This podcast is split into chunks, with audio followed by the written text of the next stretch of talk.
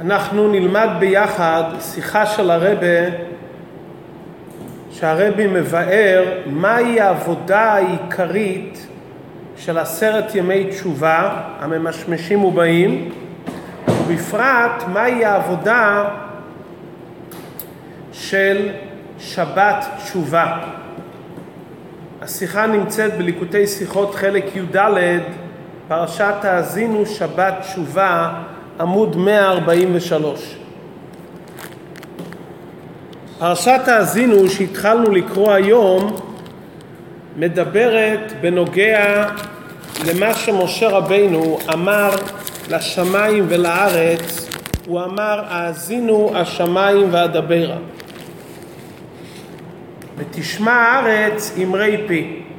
נאמר על זה בספרי שמשה רבינו היה קרוב לשמיים ורחוק מן הארץ.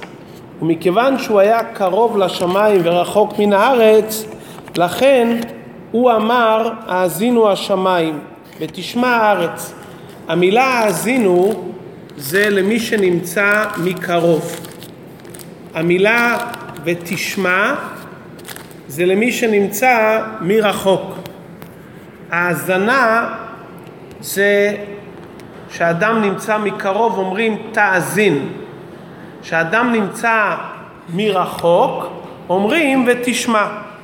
מכיוון שמשה רבינו היה קרוב לשמיים ורחוק מן הארץ, לכן הוא אמר האזינו השמיים ותשמע הארץ. כלומר, אצל משה רבינו ברור שהוא בבחינה הרוחנית שלו, הוא היה יותר קרוב לשמיים, ולכן נאמר האזינו השמיים ותשמע הארץ. אנחנו קוראים את זה בכל עשרת ימי תשובה.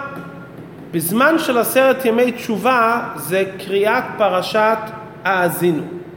מובן, כמו שכל ענייני התורה זה הוראה, יש בזה הוראה לכל אחד מישראל.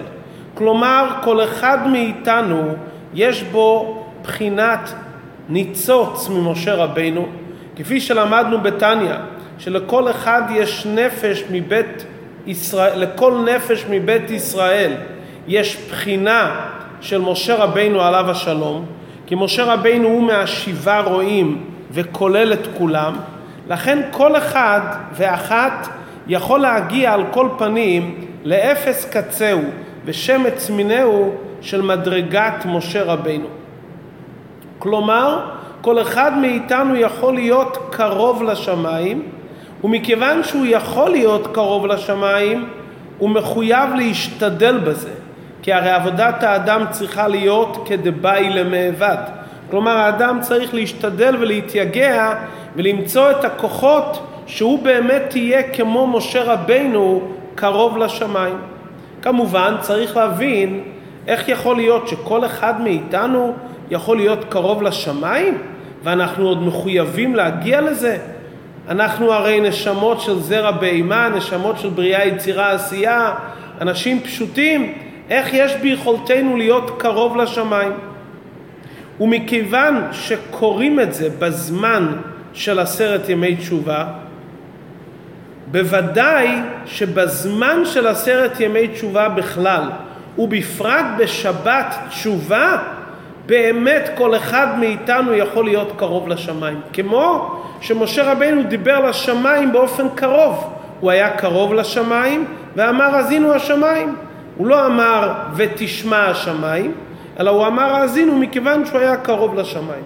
כדי להבין איך שכל אחד מאיתנו יכול להיות קרוב לשמיים, ובפרט בימים אלו, עלינו קודם להבין מה זה הגדר של שבת תשובה ועשרת ימי תשובה. למדנו בספר התניא שהשם של כל דבר מורה על התוכן והחיות שלו. כלומר, מזה שקוראים לשבת תשובה, שבת תשובה, סימן שהשבת הזו עניינה תשובה. בפשטות מדוע קוראים לזה שבת תשובה? כי זה אחד מעשרת ימי תשובה. אבל כל ענייני התורה הרי הם בדיוק. ומזה שקבעו את השם של שבת תשובה, שבת תשובה, מובן שהשייכות של שבת זו לתשובה זה לא רק שזה יום אחד מעשרת ימי תשובה, ולכן זה נקרא שבת תשובה, אלא מצד עניין השבת בעצמה. השבת של עשרת ימי תשובה, יש בה מעלה מיוחדת בעניין התשובה, יותר משאר הימים של עשרת ימי תשובה. כלומר, יש את התשובה של עשרת ימי תשובה כעשרת ימי תשובה, ויש את התשובה המיוחדת של שבת תשובה. יש דעה שאומרת שהשבת נקראת שבת תשובה ולא שבת תשובה, והסיבה שקוראים לשבת תשובה ולא תשובה על שם ההפטרה שנקרא בשבת תשובה, שמתחילה במילים שובה ישראל עד השם אלוקיך. גם לפי הדעה הזו, מזה שקבעו את ההפטרה שבת תשובה, שהתוכן של שובה ישראל זה תשובה, מובן ששבת תשובה שייכת לעניין התשובה ביתר שאת. מצד עניין ההפטרה, שבעצם עניין ההפטרה משתלשל ממהות השבת.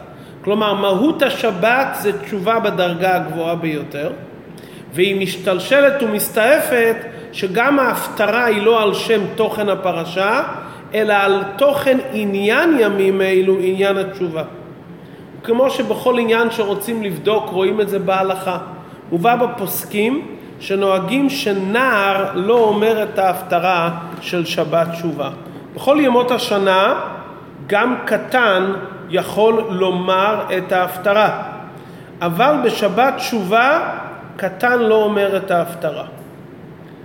מכיוון שהשבת הזו היא שבת מיוחדת, מצד תוכן עניין הזמן של תשובה לא מתאים שקטן יאמר את ההפטרה הזו, מכיוון שקטן הרי פטור מכל המצוות. במילא גם מצוות התשובה לא נמצאת אצל הקטן. אז לא מתאים שקוראים על תשובה, ותשובה זה מצווה חשובה שמשלימה את כל המצוות כולם, וכאן ייתנו לקטן שהוא בעצם פטור מכל המצוות, כולל ממצוות תשובה. אפילו קטן שהגיע לחינוך, החינוך זה חובה על אביו לחנך אותו, אבל הילד עצמו קטן. וגם לפי אותן דעות שקטן חייב, הוא חייב רק מדרבנן. אפילו מה שכתוב בהלכה שאם קטן עשה איזה עבירה בשוגג, טוב שיקבל על עצמו איזה כפרה לתשובה שהוא גודל, שיגדיל, זה לא שלימות עניין התשובה, זה בעיקר להסיר את הלכלוך והפגם שנגרם בעקבות הפגם שהוא עשה. אבל העניין של התשובה כתשובה לא שייכת אצל הקטן, ולכן ההלכה אומרת שבשבת תשובה קטן לא מפטיר. היום נדיר לראות שקטן מפטיר גם בשבתות אחרות, אבל מעיקר הדין מותר לקטן להפטיר ולקרוא את ההפטרה בשבתות אחרות. אבל כאן מכיוון שזה עניין מיוחד, וכמו שלמדנו שבנוגע למעשה מרכבה, הפטרה של חג השבועות, קטן לא מפטיר, נוהגים לגדול לקרוא את ההפטרה. גם בשבת תשובה, מצד החשיבות של תשובה, נותנים דווקא לגדול לקרוא.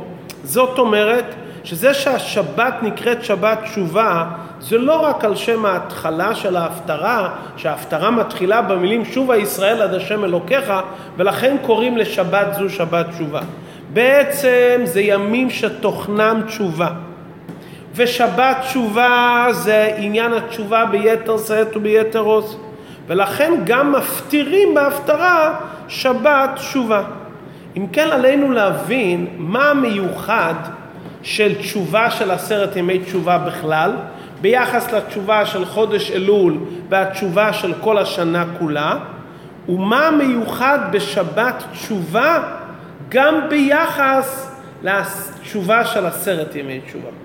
כלומר, יוצא, יש תשובה של ימות החול ויש תשובה של שבת בכל השנה. יש תשובה של עשרת ימי תשובה ויש תשובה של שבת תשובה שהיא בתוך עשרת ימי תשובה, שזה השבת שבין יום הכיפורים, בין ראש השנה ליום הכיפורים. כדי להבין את זה, עלינו להזכיר את דברי הגמרא. הגמרא שואלת סתירה בין פסוקים. פסוק אחד נאמר, השם אלוקינו בכל קוראינו אליו. כלומר, מתי שקוראים לקדוש ברוך הוא, אנחנו נענים. פסוק שני נאמר, דרשו השם בהימצאו, קראו בהיותו קרוב. אומרים חכמינו, זה עשרת ימי תשובה שהקדוש ברוך הוא נמצא קרוב ומצוי. מצד אחד אומרים, תחפש את הקדוש ברוך הוא דווקא בימים אלו, בעשרת ימי תשובה, כי הוא קרוב והוא מצוי. מצד שני אומרים, השם אלוקינו, בכל קוראינו אליו, תמיד שקוראים לו, הוא נענה. אומרת הגמרא במסכת ראש השנה, שכאן ליחיד, כאן לציבור. ציבור, מתי שהם קוראים לקדוש ברוך הוא כל השנה, הם נענים. היחיד, כוחו בעשרת ימי תשובה ככוח הציבור. ועליו נאמר דרשו השם בהימצאו קראו בהיותו קרוב. זאת אומרת, יש כוח ליחיד בעשרת ימי תשובה באופן מיוחד כמו ציבור. עד כאן דברי הגמרא. אדמו"ר הזקן כותב פירוש נפלא. מה כוונת דברי הגמרא כאן ביחיד, כאן בציבור? אומר אדמו"ר הזקן, התשובה של עשרת ימי תשובה היא מצד בחינת יחיד שבאדם, כלומר יחידה שבנפש. והתשובה של כל השנה כולה היא מצד בחינת הציבור שבאדם. מה זה הציבור שבאדם? הכוחות הפנימיים של האדם. למדנו בתניא יש עשר ספירות ויש לאדם את הכוחות הפנימיים שלו, חוכמה, בינה ועד מלכות. לפי זה יוצא דבר נפלא, שכל השנה שמדברים על תשובה, תשובה הכוונה לומר תאסוף את הכוחות שלך, את החוכמה ואת הבינה ואת הדעת, כל הספירות שבתוכך ותחזור בתשובה על הכוחות הפנימיים שבתוכך. אם לא השתמשת בכוח החוכמה לחוכמה אלוקית, לבינה אלוקית, חסד, למצווה, תחזור בתשובה. כלומר, תבדוק שכל הכוחות שלך יחזרו בתשובה. זה נקרא תשובה של ציבור. אני צובר את הכוחות שלי ואני חוזר איתם בתשובה, תשובה על הכוחות הפנימיים. אבל יש תשובה שהאדם מגלה את בחינת היחיד שבתוכו, שזה יחידה שבנפש. וזה סוג תשובה הרבה יותר גבוה. עשרת ימי תשובה שמתחילים בראש השנה ומסתיימים ביום הכיפורים, כולל ובעיקר שבת תשובה, סוג התשובה שצריך להיות עכשיו זה תשובה מצד בחינת יחיד שבאדם. איך מגיעים לתשובה הזאתי מצד בחינת יחיד? בעצם זה מה שלמדנו בתניא ובחסידות, שיש תשובת התאה ויש תשובה הילאה. מה ההבדל בין תשובת התאה לתשובה הילאה? למדנו באיגרת התשובה שתשובת התאה עניינה לתקן את העוונות של האדם. חרטה, וידוי וכולי, האדם מתחרט ומתקן את העוונות. מה זה תשובה הילאה? תשובה הילאה זה באופן כללי, והרוח תשוב אל האלוקים אשר נתנה. זה דבקות הנשמה בשורשה ומקורה. כלומר, חיבור של הנשמה לשורשה ומקורה למעלה. כלומר, לא מזכירים פה חטא ועוון, זה בעיקר התעסקות במעשי טוב, ולא רק עשי טוב, אלא דבקות של הנשמה בשורשה ובמקורה. תשובה הילאה זה גילוי בחינת היחידה שבאדם. תשובת התאה זה תיקון על הכוחות הפנימיים של האדם ותיקון על המחשבה, דיבור ומעשה.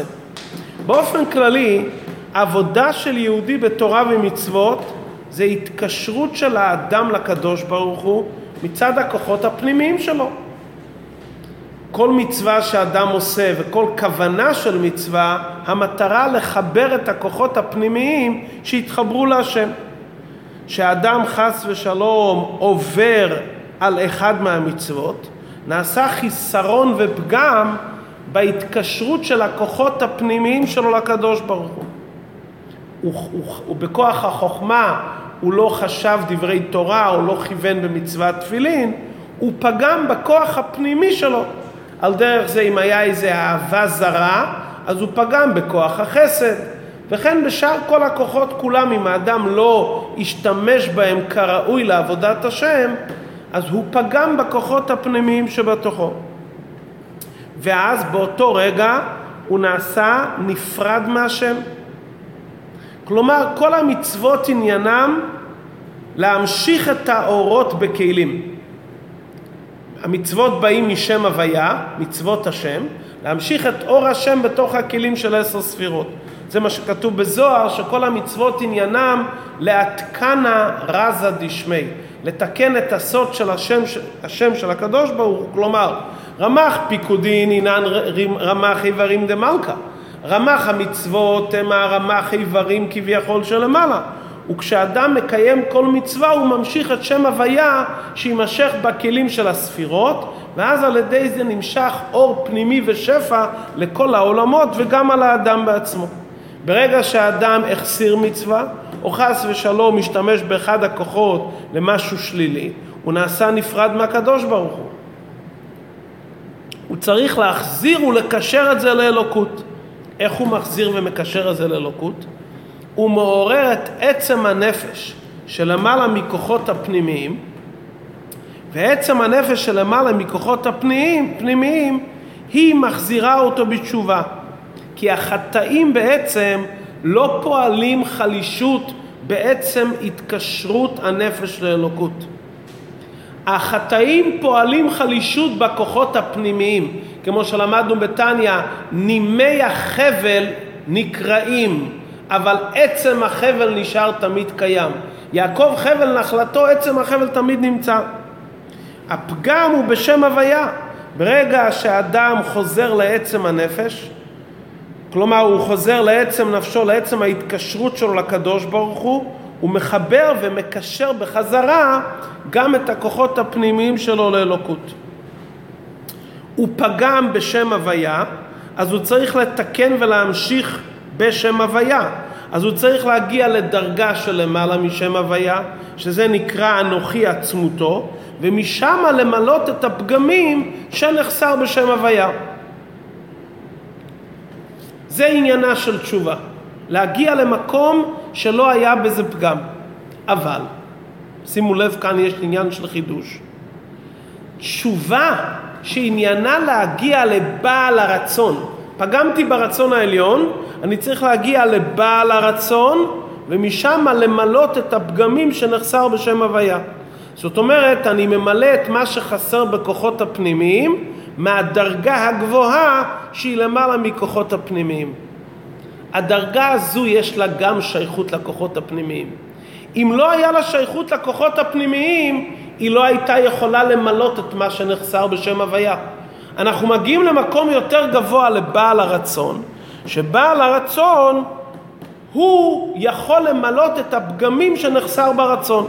זאת אומרת, התשובה מגיעה לעצם ההתקשרות בקדוש ברוך הוא, ועצם ההתקשרות בקדוש ברוך הוא יכולה להחזיר את מה שנחסר בכוחות של האדם. אבל המדרגה הזאת היא שייכת לכוחות. זאת אומרת, העוונות תופסים מקום גם בדרגה הזו. לא רק שהעוונות תופסים מקום בשם הוויה, כלומר בכוחות הפנימיים, אלא העוונות תופסים מקום גם בעצם הנפש שלמעלה מהכוחות הפנימיים. כי הרי המדרגה הזאת בנפש היא סוף כל סוף שורש ומקור לכוחות הפנימיים. זה עדיין לא עצם הנפש ממש. אם זה היה עצם הנפש ממש, שם לא היה שייך לומר אפילו למלות פגמים.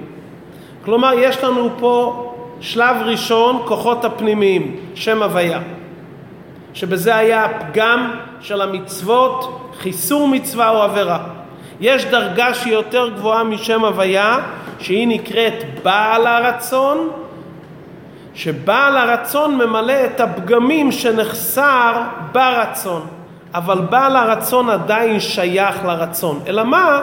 שהוא לא מוגבל ברצון. כלומר, גם בדרגה של בעל הרצון עדיין יש איזו תפיסת מקום של עוונות. משהו נתפס. לא כמו שזה נתפס ומחסיר בשם הוויה, אבל עדיין יש איזו שייכות מסוימת. בלשון החסידות, שם הוויה זה אורות פנימיים, וממלאים את החיסרון מהמקיף השייך לפנימי. אבל המקיף השייך לפנימי הוא מקיף ששייך לפנימי, הוא לא נבדל לגמרי מהפנימי. אבל יש דרגה גבוהה יותר, שהיא הדרגה השלישית, שהיא העצם הנפש ממש שנקראת יחידה שבנפש. היא למעלה מלהיות שורש ומקור אל הכוחות. לא רק שהיא לא הכוחות הפנימיים, היא גם לא שורש ומקור לכוחות הפנימיים. והדרגה הזאת של יחידה שבנפש היא למעלה לגמרי מעניין של החטאים. והתשובה מצד הבחינה הזאת היא לא על חטאים ועוונות. כי חטאים ועוונות לא נוגעים במקום הזה אפילו בדרך מקיף. כי זה בכלל לא שורש ומקור לכוחות הפנימיים.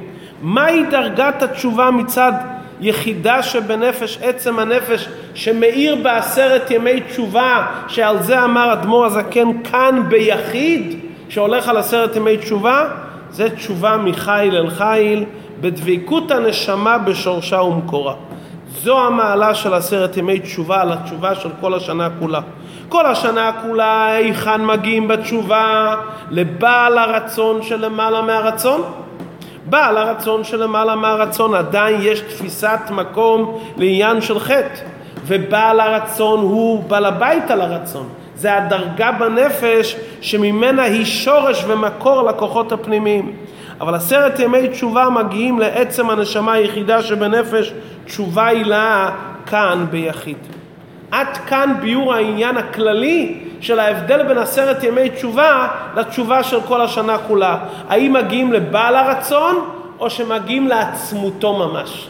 רצון אלוקי, שם הוויה, בעל הרצון שלמעלה מזה, והקדוש ברוך הוא בעצמו שאין לו שום גדר, אפילו אי אפשר לקרוא לו בשם בעל הרצון. ממשיך הרבה בסעיף ד' ואומר, הבחינות הללו זה באופן כללי גם ההבדל בין ימות החול לשבת. מה ההבדל בין ימות החול לשבת? עיקר עבודת האדם בימות החול זה עבודת הבירורים. מה זה המ"ט מלאכות שמותר לעשות אותן בימות החול? ובדין דחול, מה עניינם? לברר את ענייני הרשות ולהעלותם לקדושה. אדם חורש, זורע, קוצר, הולך למלאכתו. כל המלאכות האלו זה בעצם עבודת הבירורים. זאת אומרת, איזה סוג תשובה נדרש מאדם בימות החול? תשובת התאה. תעבוד עם הכוחות הפנימיים שלך, שמצד עצמם הם יכולים להיות נפרדים מאלוקות.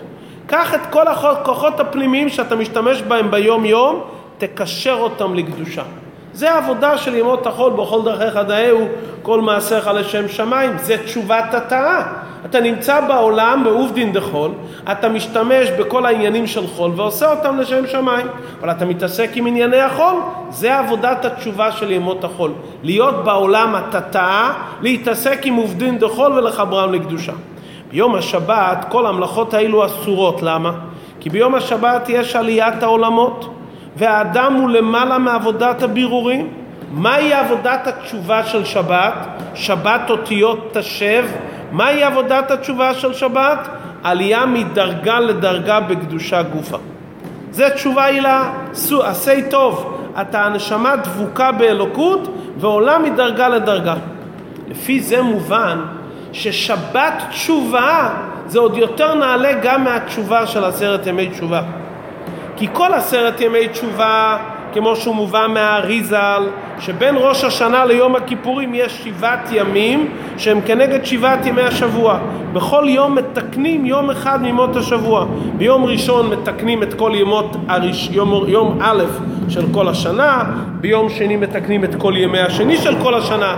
זאת אומרת, בעשרת ימי תשובה בימות החול, עדיין יש התייחסות לימות החול. עדיין עסוקים בתיקון ימות החול. כמובן שנמצאים בעשרת ימי תשובה, אבל עדיין יש שייכות לימות החול. זה לא ימות החול של כל השנה כולה. ימות החול של כל השנה כולה זה ממש תשובת התא, אתה מתעסק בעובדין דחול. הרי עשרת ימי תשובה אריזל כותב שהם על דרך חול המועד, אבל בכל אופן אדם מתעסק בעשרת ימי תשובה בעניינים של חול, זה לא חגים ולא שבתות. ולכן התיקון שמתקנים בעשרת ימי תשובה את כל ימות השבוע של כל השנה זה עדיין תשובת התאה כמובן בדרגה יותר גבוהה מכל השנה כי בכל אופן זה עשרת ימי תשובה ועשרת ימי תשובה זה דרגת יחיד אבל זה שלב יותר נעלה מאשר תשובה של כל השנה אבל עדיין יש לזה שייכות לעניין של תתאה כמו שאמרנו, הדרגה השנייה, שזה תשובה באמת, אבל היא שייכת עדיין גם לכוחות הפנימיים. לכן כל עשרת ימי תשובה עניינם תשובה עילה, אבל הם עדיין מתקנים את ימות החול של כל השנה, זה עדיין לא הפנימיות של תשובה עילה. מה שאין כן שבת תשובה, שכל עניינה זה תשובה מחיל אל חיל, להידבק בהשם, ופה אתה נמצא בדרגה של שבת. מה זה שבת? עלייה בקודש מדרגה לדרגה, דבקות ועליית הנשמה. כי שבת זה זמן עליית העולמות, זה לא שייך לעניין של עבודת הבירורים. העבודה של שבת זה עבודה בקדושה גופה מחיל אל חיל. עכשיו נבין איך זה מתחבר עם האזינו השמיים. משה רבינו היה קרוב לשמיים, דיבר האזינו השמיים. מתי צריכים להיות קרוב לשמיים? זה הזמן, שבת תשובה. כי שבת תשובה זה תשובה הילאה. מה ההבדל בין ארץ ושמיים? אז הנה השמיים ותשמע הארץ. ארץ זה למטה, שמיים זה דבר גבוה. מה זה בנפש האדם? הכוחות הפנימיים של האדם שהתלבשו באברי הגוף הם בחינת ארץ שבאדם. אבל עצם הנשמה, היחידה שבנשמה, שהיא מקיפה על הגוף, היא דרגת שמיים שבאדם. אם כן, הדרגה של תשובת התא שעניינה כוחות פנימיים זה דרגת ארץ. אני לוקח את הכוחות הפנימיים שהתלבשו באברי הגוף ואני עושה בהם תיקון ועלייה חוזר בתשובה על הכוחות הפנימיים שבי שהם נקראים ארץ. מה זה תשובה עילה? דרגת יחידה. זה השמיים שבאדם. אז התשובה של עשרת ימי תשובה בכלל, ובפרט שבת תשובה, זה הרי תשובה עילאה. אז בימים האלו כל אחד קרוב לשמיים. כי כל אחד בימים האלו, מה נדרש ממנו? עבודת התשובה של תשובה הילאה. תשובה הילאה זה קרוב לשמיים. תשובת תתא זה קרוב לארץ, תשובה הילאה זה קרוב לשמיים. לכן בימים האלו יש יכולת לכל אחד מאיתנו להיות בדרגת משה רבינו קרוב לשמיים. כי בעשרת ימי תשובה זה לא מצידה, מצידנו. זה לא שהאדם מתקרב לשמיים, זה כוחות שנותנים מלמעלה. זה ימים שמצד למעלה נותנים כוח לאדם. דירשו השם בהימצאו קראו בהיותו קרוב. ימים שהקדוש ברוך הוא קירוב המאור אל הניצוץ, אז זה פועל על הניצוץ שיתקרב למקורו. אז בכל ימות השנה באמת סדר של עבודת התשובה זה מלמטה למעלה. קודם תשובת התאה, ורק אחר כך אתה מגיע לתשובה הילה. אבל בעשרת ימי תשובה יש לך נתינת כוח לכתחילה להתחיל מתשובה הילאה. כי בימים האלו כל עם ישראל נמצא קרוב לשמיים. זה ימים של בהימצאו בהיותו קרוב. אין פה את הסדר והדרגה להתחיל תשובת התאה ואחר כך תשובה הילה. הימים האלו שמאיר מלמעלה היחידה שבנשמה, כי נמצאים בהימצאו בהיותו קרוב, אז לכתחילה נדרש מהאדם תשובה הילה. ובמיוחד מתי ששבת תשובה באה בסמיכות לראש השנה, אז ממשיכים את ראש השנה באופן של שבת מיני מתברכים כולי יומין, אז זה נותן כוח שכל השנה כולה וכל עשרת ימי תשובה וכל השנה כולה נהיה בדרגה של תשובה הילאה של יום השבת.